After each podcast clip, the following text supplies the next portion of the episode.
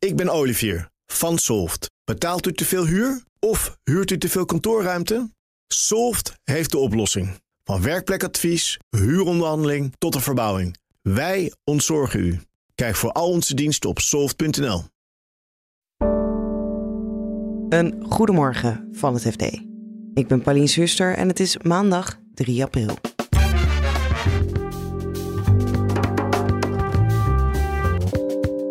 Er komt een grote accountantshussel aan bij beursgenoteerde bedrijven. Het gaat heel interessant worden om te zien of de komende twee jaar alle, met name financiële instellingen, ook de inslagen om niet alleen een eerste, maar ook een tweede keus eh, te kunnen aanwijzen. Misstanden bij een lokale transporteur kunnen ervoor gaan zorgen dat Heineken geweerd wordt uit Braziliaanse supermarkten. Het is een heel aantrekkelijke biermarkt waar ja, zo'n hoofdpijndossier natuurlijk erg vervelend is. En je hoort hoe ons kleine landje groot is in het temmen van de techreuzen. Dit is de dagkoers van het FD. Sinds 2014 mag je als beursgenoteerd bedrijf nog maar 10 jaar dezelfde accountant hebben. Op dit moment zijn de eerste bedrijven aan het wisselen en de komende twee jaar volgen bijna alle anderen. En de keuze is beperkt, merken vooral banken en verzekeraars.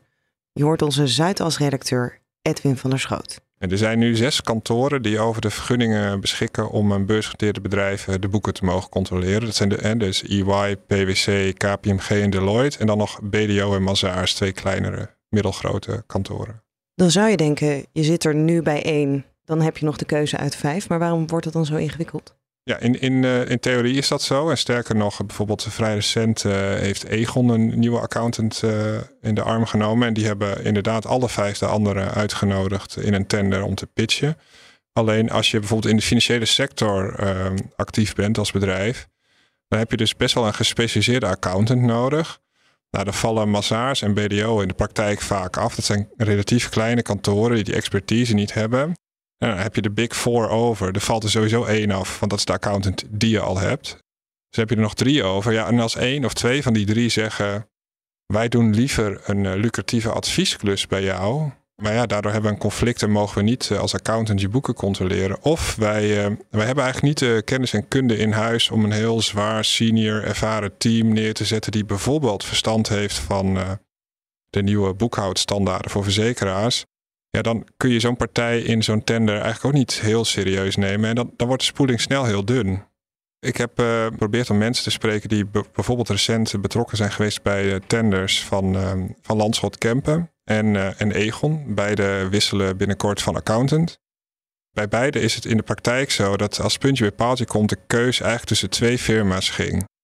Wordt dit dan al een concreet probleem in de zin dat, nou ja, nu is er dan wel vaak keuze uit Twee, dat er bijvoorbeeld bedrijven komen die überhaupt maar keuze hebben uit één of helemaal geen accountant kunnen vinden?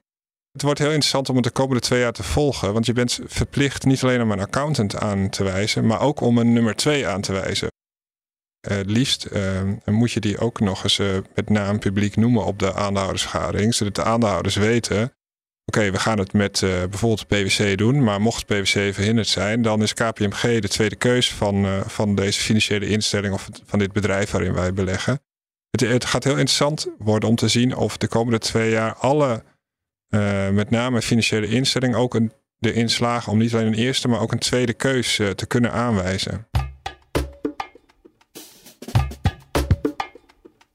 En dan gaan we naar Heineken. Want de bierbrouwer heeft in Brazilië een procedure aan zijn broek omdat Heineken een lokaal transportbedrijf heeft ingehuurd waar de arbeidsinspectie een inval deed en misstanden zag bij het behandelen van de werknemers.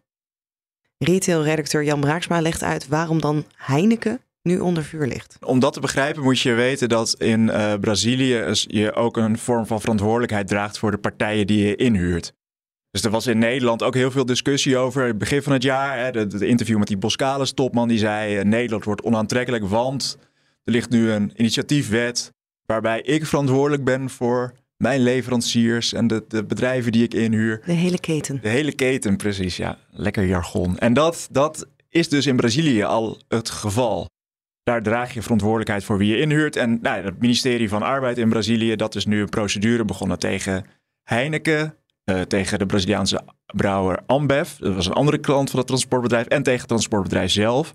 Waarin zij ja, uh, een, een heel proces doorlopen. Waarin Heineken daarin en de andere partijen beschuldigen van... jullie hebben de regels overtreden.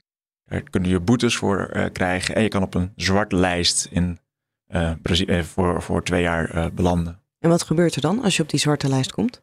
Nou, een aantal dingen. allereerst ben je aan de schandpaal genageld, publiekelijk.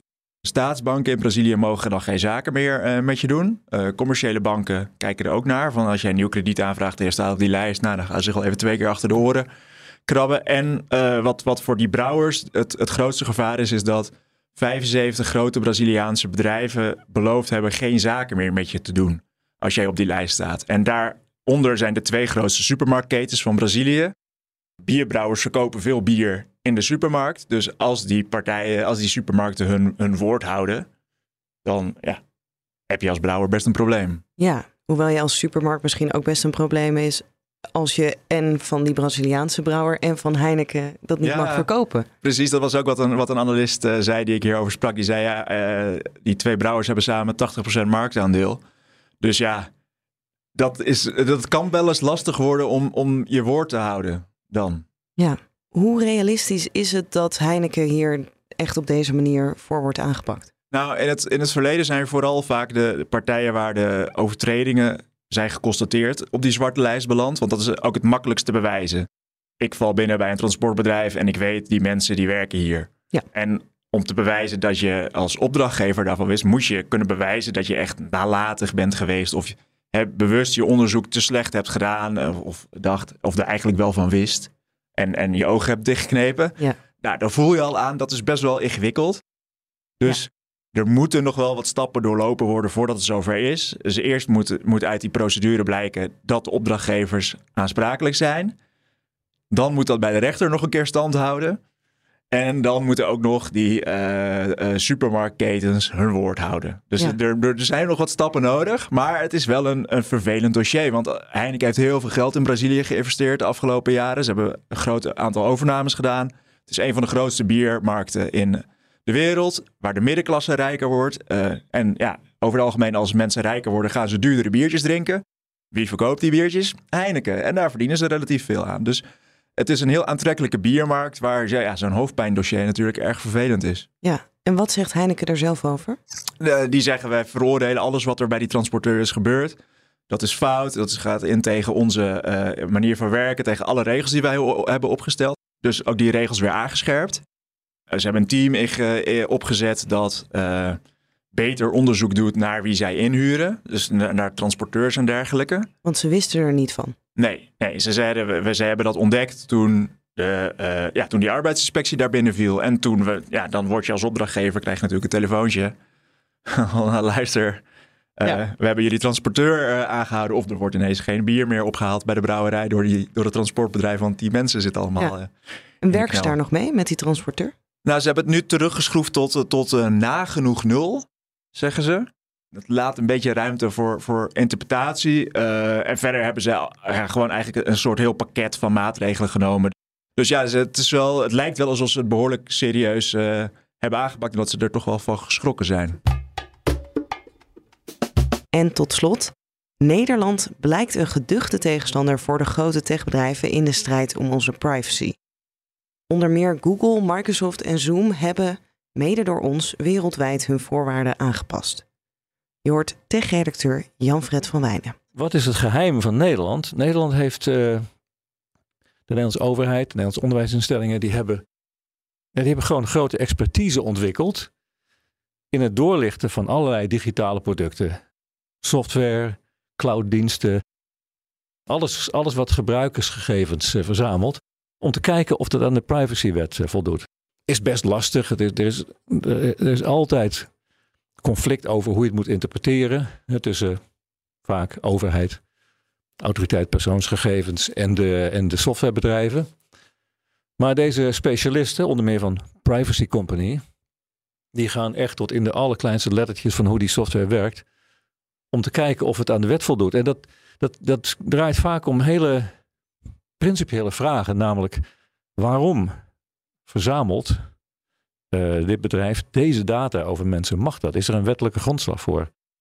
Waar bewaren ze die data en hoe lang bewaren ze dat? Dan gaan ze eindeloos over in discussie met zo'n bedrijf.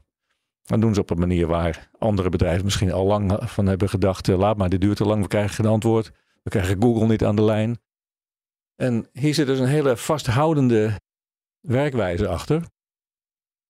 En vervolgens wordt er een rapport opgesteld. Dat, dit is allemaal formeel. Zo'n rapport dat, dat moet als je zo'n privacyonderzoek doet. En de Nederlandse overheid die publiceert dat vervolgens online. Dat zijn bedrijven niet zo gewend in onderhandelingen. Dat je alles gewoon publiek maakt. Maar alle klachten die ze hebben, alle manco's die er dan zitten in die privacybescherming, uh, die, die is dan gewoon openbaar. Dat is al een flink uh, drukmiddel. Maar andere Europese landen merken dus ook hoe vasthoudend en, en, en goed onderbouwd Nederland dat doet. En die volgen dan in praktijk de Nederlandse werkwijze. Dus waar Nederland een probleem maakt, maakt het meteen een probleem voor 26 andere EU-landen.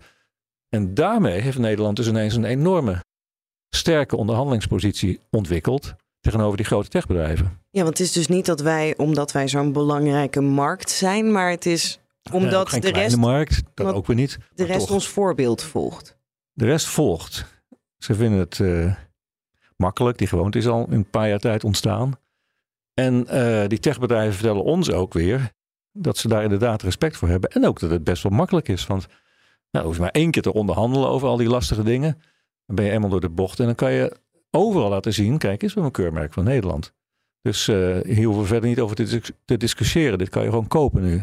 En wat is ons belangrijkste pressiemiddel in die onderhandelingen? Ja, wat wij denken is uh, openbaarheid. Uh, je kan niet meer in achterkamertjes uh, proberen iets, met een, iets onder elkaar te regelen. Je zet eigenlijk ook als overheid jezelf voor het blok.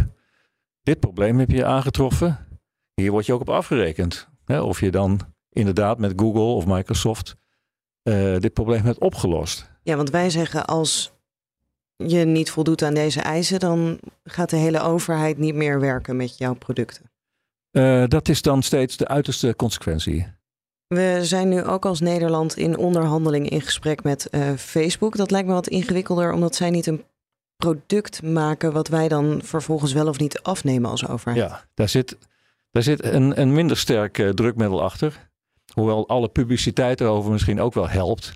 Maar uh, Facebook uh, verkoopt geen Facebookpagina's aan uh, het ministerie van Binnenlandse Zaken en, en, en de rest van de overheid. Die, die gebruiken dat. En Facebook gebruikt die data weer, die daar dan op rondgaat, om zijn advertentiemachine te voeden. Dus een beetje in afgeleide zin is het voor Facebook wel jammer als Nederland zou afhaken.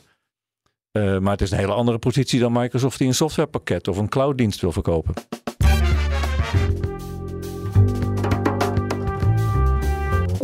Dit was de dagkoers van het FD. Op fd.nl vind je het laatste financieel-economisch nieuws. En dagkoers vind je morgenochtend weer in je podcast-app als je even abonneert. Voor nu een hele fijne dag en graag tot morgen.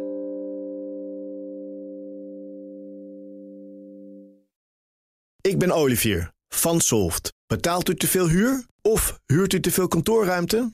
Solft heeft de oplossing. Van werkplekadvies, huuronderhandeling tot de verbouwing. Wij ontzorgen u. Kijk voor al onze diensten op soft.nl.